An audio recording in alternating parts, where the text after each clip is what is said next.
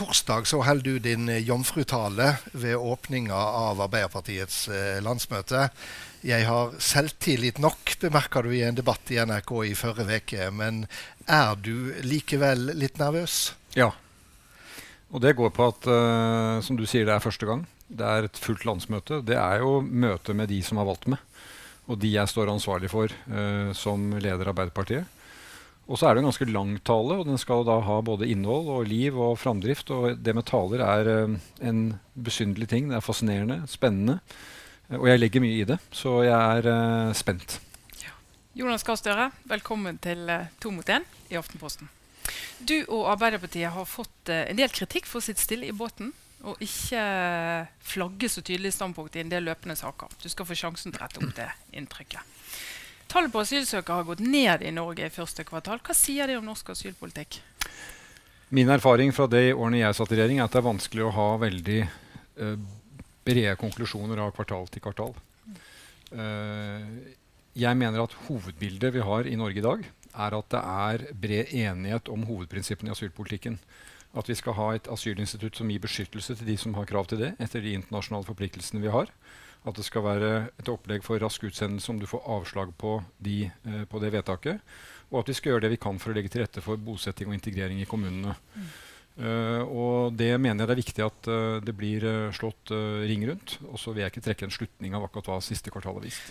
KrF og Venstre har fått gjennomslag for en oppmykning i asylpolitikken. Hvordan tror du det vil påvirke asylstrømmen?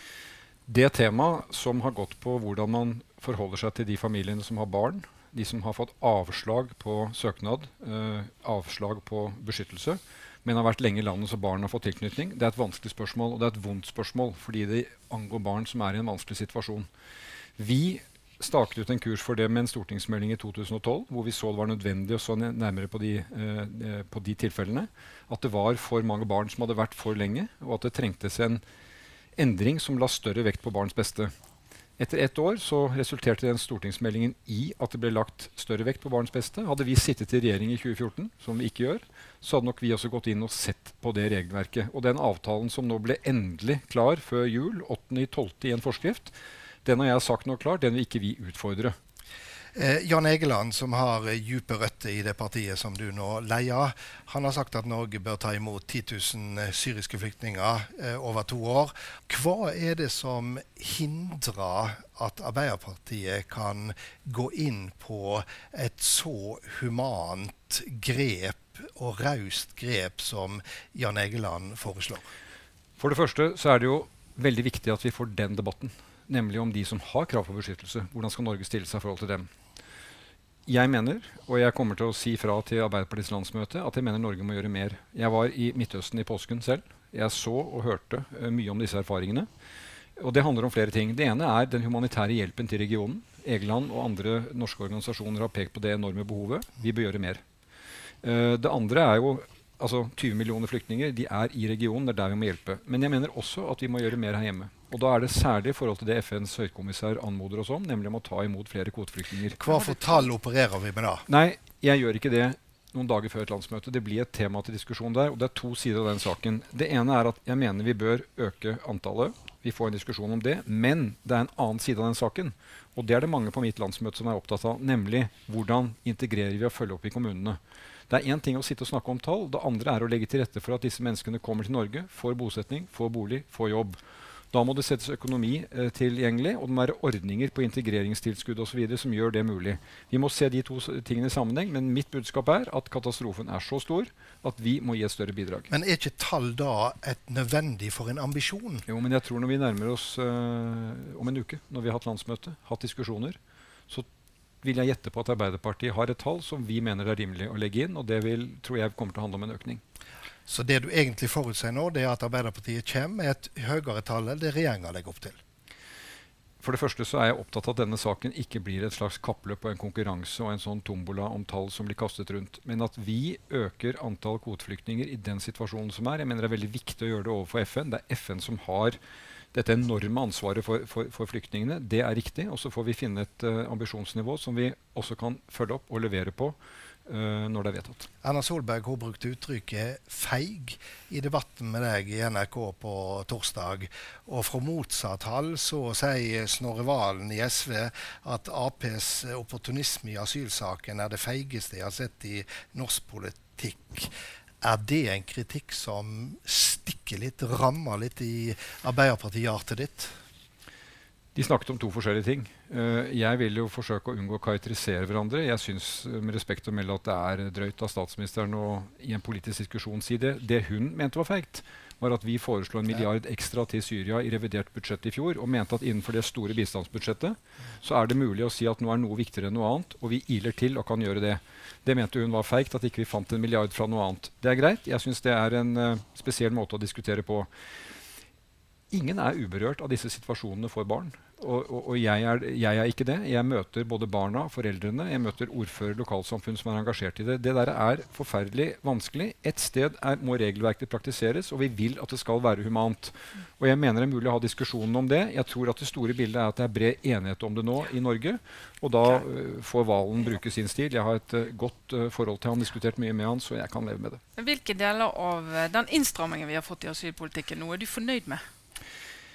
For det første så er det jo, synes jeg, litt spesielt at de rydder opp i noe som var en åpenbar uklarhet. Men de har jo Frp fått gjennomslag for en del innstramminger som, som Arbeiderpartiet har nikket til. Hvilke jo, deler er det? Men for å gi disse barna en ny prøving. Det skjer først på, mot at det skal være en innstramning. Dette med at man hele tiden må stramme inn et eller annet sted hvis man skal myke opp et annet sted, det er en spesiell dynamikk. Men hva syns du om innstramming? Nei, nå er dette sendt på høring. Jeg syns at f.eks. dette forslaget om at du skal ha ordninger som forhindrer dette med flerkoneri, at du kan få en økt familiegjenforening hvis du har flere koner, det mener jeg etter norsk lovgivning og tradisjon. Sånn skal vi ikke ha det. Hvis det kan ryddes opp i, det er bra. Og dette spørsmålet om at du kan bli fratatt beskyttelsesstatusen din etter noen år hvis situasjonen bedrer seg i det landet du er kommet fra, det høres uh, kanskje rimelig ut. Jeg tror ikke de situasjonene er så klare. Og det kan legge begrensninger på integreringen. For hvis du sitter på vent, så kan det redusere det. Men nå skal dette på uh, høring. Så får vi se hva uttalelsene kommer. Og vi vil avvente endelig mening om det til vi har sett den høringen uh, ferdig. Vi skal stille noen spørsmål om den blå-blå politikken. Jeg eh, ønsker at du svarer ja eller nei på disse spørsmålene. Det burde være ganske lett. Vi gjør i hvert fall et forsøk. Ja. Vært arveavgiften gjeninnført? I sin daværende form, nei. Vært formuesskatten økt til samme nivå som før Solberg-regjeringa begynte å redusere den? Det skal være en formuesskatt som gjenspeiler at de med sterke skuldre bærer den tyngste børen. Hvilken form den får, og hvilken prosentavgift det vil vise seg i, det må vi se når vi presenterer et skatteopplegg for 2017. Er dette et forbeholdent ja? Men det er i fall, bare for å ta det, det er et bilde på at alt er ikke løst ved å spole tilbake til 2013 når vi kommer mot 2017 og skal se mot 2020. Ja. De, søndags, eh, de, butikkene som regjeringen skulle klare å, å, skape søndagsåpning for, vil de bli stengt igjen hvis du uh, kommer i regjering? Vanskelig spørsmål. Uh, jeg er mot det forslaget. Jeg mener at sabbaten som man innførte for mange tusen år siden i en annen kultur, det, har, det er en sterk og viktig tradisjon. Uh, hvorvidt det er noe man bare kan snu tilbake i 2017, det tror jeg vi må se. Så du vet ikke, ikke verken ja eller nei? Nei, men jeg kommer til å være, arbeide hardt for at det ikke skal skje. Og da får jeg håpe ikke det spørsmålet må stilles. Det kommer sannsynligvis til å skje, og da får vi søndagsåpne butikker, og da det, da må vi se hva situasjonen er i 2017. Vi er imot det. Jeg tror vi kommer til å være skeptiske også da. Men uh, jeg også, vil, vil, ha litt uh, vurderingsmonn. Regjeringen er åpnet for flere midlertidig ansatte. Uh, vil din regjering den gang den måtte tiltre, reversere det? Ja. Går dere tilbake til det taxfree-systemet som var inntil i fjor? Jeg tror vi må se på hele taxfree-ordningen. Så svaret på det er nei, og så et ja i den forstand at jeg tror dette systemet med taxfree har mange ubesvarte spørsmål som vi må finne svar på. Blir K-en i KRLE-faget fjernet hvis du blir statsminister? Ja, ikke det umiddelbare planer om det. Um, vi skal over på et annet tema. Du har peka ut miljø som en av de viktigste, kanskje den viktigste saka. Arbeiderpartiet har eh, snudd og nå går inn for at oljefondet skal ut av rene kullselskap. Samtidig har du sagt at Norge skal holde fram med utvikling av kål på Svalbard. Hvorfor er norsk kål så mye renere og mindre miljøfarlig enn utenlandsk kål? Det er kull vi må få ned om vi skal nå klimamålene globalt. Det sier ekspertene. Olje- og gassforbruk i verden sier de kan de flater ut nå uh, for å nå dette togradersmålet, men kull går rett i værs. Det går ikke, det må snus. Uh, vårt bidrag til det? Vel, vi har et stort, verdens største fond som investerer bl.a. i kullselskaper. Det mener vi vi bør slutte med. Det vi diskuterer, er det fondet. Uh, og på det fondet så har vi tatt noen beslutninger om hvor vi er og ikke er. Vi er ikke tobakk. Det er fortsatt mulig å kjøpe tobakk i Norge. Er det et paradoks? Kanskje. Men vi har tatt den beslutningen. Vi mener det ikke bør være kull. Så til Svalbard. Det er altså et annet tema. Jeg ser at du kan stille det spørsmålet, for det er kull her og kull der. Nå sier eksperten at det er faktisk et renere kull, og det brukes til, skal kanskje brukes industrielt og ikke til å fyre. Eh, og da er det litt annerledes. Men la oss viske ut det og si at kull er kull. Fremtiden til Svalbard kommer ikke til å være kull, mener jeg. Fremtiden til Svalbard kommer til å være reiseliv, forskning, studier og beredskap og en base, tror jeg, i framtiden for uh, skipstransport der oppe. Men Svalbard er spesielt. Det er en del av Norge. Vi har en internasjonal avtale som vi forvalter, som handler om like rettigheter for de som driver næring der. Og kull er en viktig komponent av situasjonen i dag. Derfor så mener vi at uh, det, dette er ikke tidspunktet for å avblåse det over uh, natta. vi mener at Store Norske bør få muligheten til å omstille seg. Uh, og så er som sagt framtiden uh, tror jeg ikke kommer til å være i, i, kull, men det er ikke tid for å avvikle det. Men Svalbard er spesielt, sier du. Samtidig hører vi fra andre land at de sier at energiforsyning er spesielt. Derfor holder de fram med kull. Blir det ikke en form for dobbeltmoral når vi ikke er rede til å avvikle det vi har av kull, men ber andre intenst om å gjøre det? Det vi snakker om her, er jo at vi må finne alternative energisystemer som gjør at det er naturlig å velge bort kull. Vi må bistå de landene som kan låse seg til kull for mange år framover, til å kunne velge infrastruktur og andre kilder, så ikke de må velge kull. Uh, og så mener jeg at Uh, vi skal ikke investere i kullselskaper i utlandet. Uh, Jens Stoltenberg, Obama og de nordiske statsministrene vedtok at et bidrag de kan gi, er å ikke investere i oppstart i kull i voksne økonomier. Det er det det handler om. Og da kan ikke vi si det at jo, nei, det er vi egentlig imot, men uh, vi er ikke imot det fordi vi har altså noe kull av en historisk årsak på Svalbard. Bitte, bitte lite og som også er knyttet til en stor strategisk interesse for Norge, som er uh, stabilitet, nærvær i, i, nordområdene. Og jeg er faktisk da villig Du kan kalle det dobbeltmoral, men vel, det er to ulike perspektiver for to ulike deler av Norge. Arbeiderpartiet har et uh, landsmøtevedtak på at det skal gjennomføres en konsekvensutredning, konsekvensutredning av oljeboring i Lofoten og Vesterålen. Bør Arbeiderpartiet vedta en annen politikk på dette landsmøtet?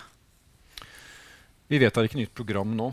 Uh, nå skal jeg være varsom med å si hva landsmøtet gjør, for landsmøtet er suverent, og de treffer sine vedtak. Men uh, jeg ser for meg at det er en eh, del av vårt program, og det programmet gjelder for disse fire årene.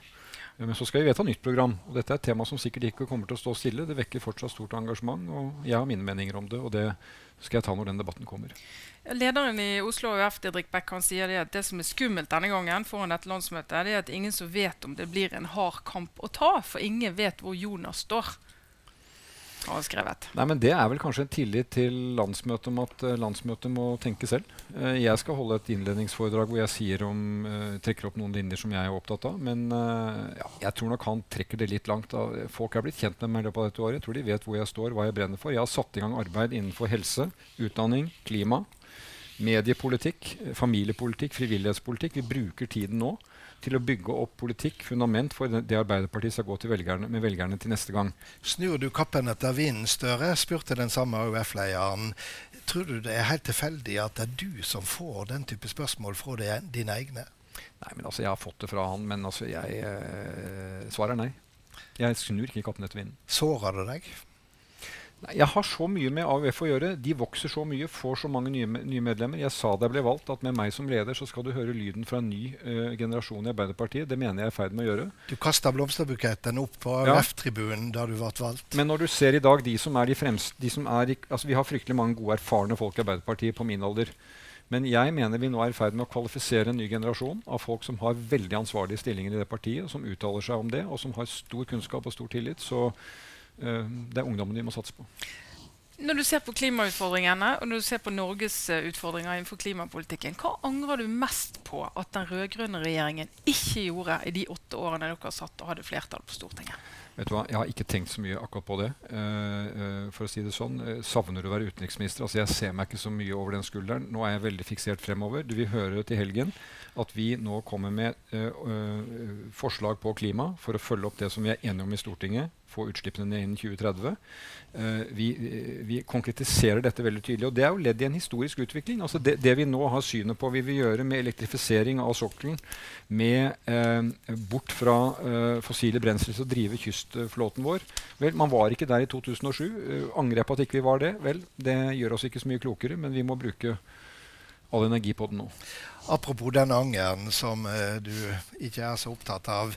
en mann du kjenner godt, nemlig Jens Stoltenberg, han sier nå at det er et alvorlig misforhold mellom sikkerhetsutfordringen og hvor mye vi bruker på Forsvaret. Er du enig med Jens Stoltenberg? Jens Stoltenberg er eh, ansvarlig for å se på dette i hele alliansen, og det er enig med han i. Hva med Norge? Er nå Arbeiderpartiet kommet til et punkt der en sier at bevilgningene til Forsvaret må øke? Vi må begynne med innholdet. Uh, jeg tror at vi skal være nå veldig forsiktige med å si at det er blitt, litt, det er blitt en anstrengt situasjon i Europa. Nå kjører vi på med Forsvaret. Det er svaret. Vi skal ha et forsvar som er en forsikring. Vi skal ha et forsvar som er troverdig, som er moderne. Vi har noe av det mest moderne som er. Men hvorvidt kapasiteten og innretningen svarer til utfordringene, det må vi ha et samspill mellom politikken og de fagmilitære. Ikke bare de fagmilitære. Jeg hører Mange av dem har veldig klare ambisjoner nå for økte ressurser. Og jeg utelukker ikke at vi også må bevilge mer til Forsvaret. Men vi må få til en god samtale om innhold, måten det opererer på. F.eks. at marinen vår kan seile eh, det som er nødvendig i våre farvann i nord og sør. Uh, og den diskusjonen håper jeg vi klarer å ta i det brede enighetskulturen vi har i Stortinget. Så du er ikke enig med Jens Stoltenberg i hans 2 %-krav? Det er et tror jeg, et riktig krav å ha i Nato. Hvorvidt vi skal dit Men ikke for Norge? Jo, men ikke sant? vi har et veldig høyt BNP som har vokst og vokst. Og vi har klart å holde en høy prosentandel. Vi har land altså, i Nato som har, ligger ned mot 1% Det er for lavt. Uh, men vi får ta den diskusjonen uh, grundig. Vi skal ikke la oss binde av ett sånt tall som en fellesnevner for hele Nato, men det er hans jobb å uh, holde landene ansvarlig for at de har et forsvar som er godt på nasjonalt nivå, og som fungerer bra i allianse. 9. mai så markerer en i Moskva eh, sigeren over Nazi-Tyskland. Den norske statsministeren har sagt nei til å være med på å delta. Ville du som statsminister deltatt på den markeringa? Ja, jeg ville gjerne ha deltatt på den markeringen. Fordi jeg mener at det er viktig å anerkjenne de enorme lidelsene det russiske folk hadde i forbindelse med den nazistiske okkupasjonen. Men ja, jeg forstår også hvorfor Erna Solberg og en del av hennes kolleger velger i år å ikke være til stede. Men du ville vært til stede? Nei, jeg sier ville jeg ha likt å være der. Ja, jeg mener det hadde vært riktig, og det tror jeg faktisk også Erna Solberg har ment. Men jeg, jeg, jeg forstår analysen. At i en situasjon hvor det russiske militæret nå er inne på et annet lands territorium, hvor det er mistanke om at det kommer nye våpen inn, så vil det gitt et galt signal å bivåne en militær eh, parade der. Jeg husker da det var for 20 år siden tilsvarende parade hvor jeg arbeidet som rådgiver for Gro Harlem Brundtland. Hun reiste dit. Da var det også omstridt, og det var riktig å reise dit da. Jeg forstår at man ikke reiser dit nå. Du eh, må leve med at du av og til omtales som eh, en tåkefyrste. Hvordan eh, syns du det gikk eh, i denne runden? Jeg hører to ting. Uh, mange ting om meg selv. Men to ting. Det ene er at folk syns at jeg ofte kan være veldig klar og direkte. Og andre ganger at jeg kan være det du sier. Det, akkurat det siste er jo ikke noe honnørord, så jeg, jeg, jeg liker jo ikke det. Men jeg erkjenner jo det at når du er partileder, eh, du skal være ansvarlig for mange prosesser, så kan du ikke hele tiden bang lande ned på et standpunkt som er det jeg har liggende nærmest hos meg. Da må du uttale deg noen ganger litt rundere. Jeg uh, gjør, vil ikke være rundere enn jeg må, men uh, jeg får finne min form. Greit. Tusen takk for at du kom. Lykke til med landsmøtet, Jonas Gahr Støre. Takk. Uh, du har akkurat vært med på to, to mot én i Aftenposten som første gjest. Hvordan var det? Altså, det har litt den følelsen det hadde å være med å gå opp til eksamen. Eh, hvor du etterpå sier at 'jeg fikk det', og 'jeg fikk ikke det'. Uh, det er tøffe journalister, da. Men det var to, uh, to mot én inne i studio. Var det feiglag? Nei, det syns jeg ikke. Men jeg måtte jo klare å snu hodet til den ene og så til den andre ettersom hvor spørsmålene kom fra. Men sånne ja-nei-spørsmål, jeg skjønner jo at de er fristende for, fra et sånn tabloid perspektiv. Og, og, det er veldig ok å kunne svare ja-nei, men mange av de spørsmålene vi jobber med må ha en uh, presisering. Trine Eilertsen spurte om du er en tåkefyrste. Syns du det var et slemt spørsmål? Ja, det var litt slemt, for jeg liker ikke det ordet. Det er jo ikke noe, det er jo ikke noe honnørord. Og svaret mitt på det er at jeg er jo ikke enig i det. Uh, kan gå inn i heisen her. Du innrømte at du er litt nervøs for eh, landsmøtetalen din. Er den skrevet ferdig? Nei, men den er, den er, liksom, den er oppe på, på, på, skjermen. Er det noen nyheter du kommer med i talen? Det kan hende. Åssen er det å intervjue i heis? Kan jeg spørre om Det går helt fint. Ja, det det. da tror jeg vi sier Ja. takk for oss. Fint, vi ses. Okay. Ja, Harald. Da er Jonas gått. Og her sitter vi, og vi prøvde jo i hvert fall å få noen så Jeg syns vi fikk noe. Jeg synes På asylbarn så sa han jo egentlig det at hvis vi hadde fått sitte lenger i regjering, så hadde også vi kommet med en forskriftsendring. Det, det vet jo ikke vi om det hadde skjedd, men det er jo interessant at han sier det. Ja da, det er det, og spesielt hvis du tar i betraktning den steinharde kritikken som Arbeiderpartiet nå har fått ifra eh, SV, som var samarbeidspartneren, og som mer enn noe annet parti, tror jeg, i den koalisjonen merker hvor tøft det var å få gjennomslag eh, for en mer liberal asylpolitikk og flyktningpolitikk. De tryglet jo om den forskriftsendringen de mens de satt i regjering, men da var det eh, nei å få. Så det var jo interessant. Og så var det jo en del inne på de ja-nei-spørsmålene, syns jeg. Ja. Hvor det var Vi fikk eh, en del svar. Så er det klart at vi møter jo også en eh, Arbeiderpartileder som eh, eh, både ser med forventning, men helt sikkert også til og med han som har sommerfugler i magen opp imot Arbeiderpartiets landsmøte som begynner på torsdag. Det er virkelig å gå opp til eksamen. Det er å møte et landsmøte, ikke minst fordi at det er et landsmøte som nok gjerne vil ha en del konkrete standpunkter og svar fra Jonas Gahr Støre fordi han har fått dette ryktet for seg, både fortjent og noe ufortjent, for å være tokkefyrste, som du kalte han så vennlig mot, ja, ja, mot det, det slutten. var, jeg synes vi måtte, vi måtte inn på det. Eh, og det er jo, eh, altså landsmøtet, de, Landsmøter er jo sånn eh, skrudd sammen at ja, de vil ha en tydelig leder, men så vil de ha rom for å mene og diskutere. Og den balansen er jo krevende. da. Og det er klart at Hvis Støre legger seg veldig på den fremdeles på dette løpende seminaret som de har vært på, så er det nok en del som vil bli litt eh, oppgitt. Men så er jo en del som vil de vil at han skal være tydelig, men da skal han være enig med de. Nettopp. Og så er han jo valgt som, han er valgt som eh, leder, partileder. Han er ikke valgt som, eh, som ordstyrer på et seminar. Og, og det, det tror jeg er ganske, det er ganske viktig å, å, å, å ha med seg i dette. Greit, men da, vi gjør det igjen, da. Dette. Vi får jo bare prøve en gang til. Ja, vi har vel ikke noe eh, valg, men eh, det, å, det å ha eh, noen minutter der en får stille Jonas Gahr Støre en del spørsmål, det er spennende. Ja.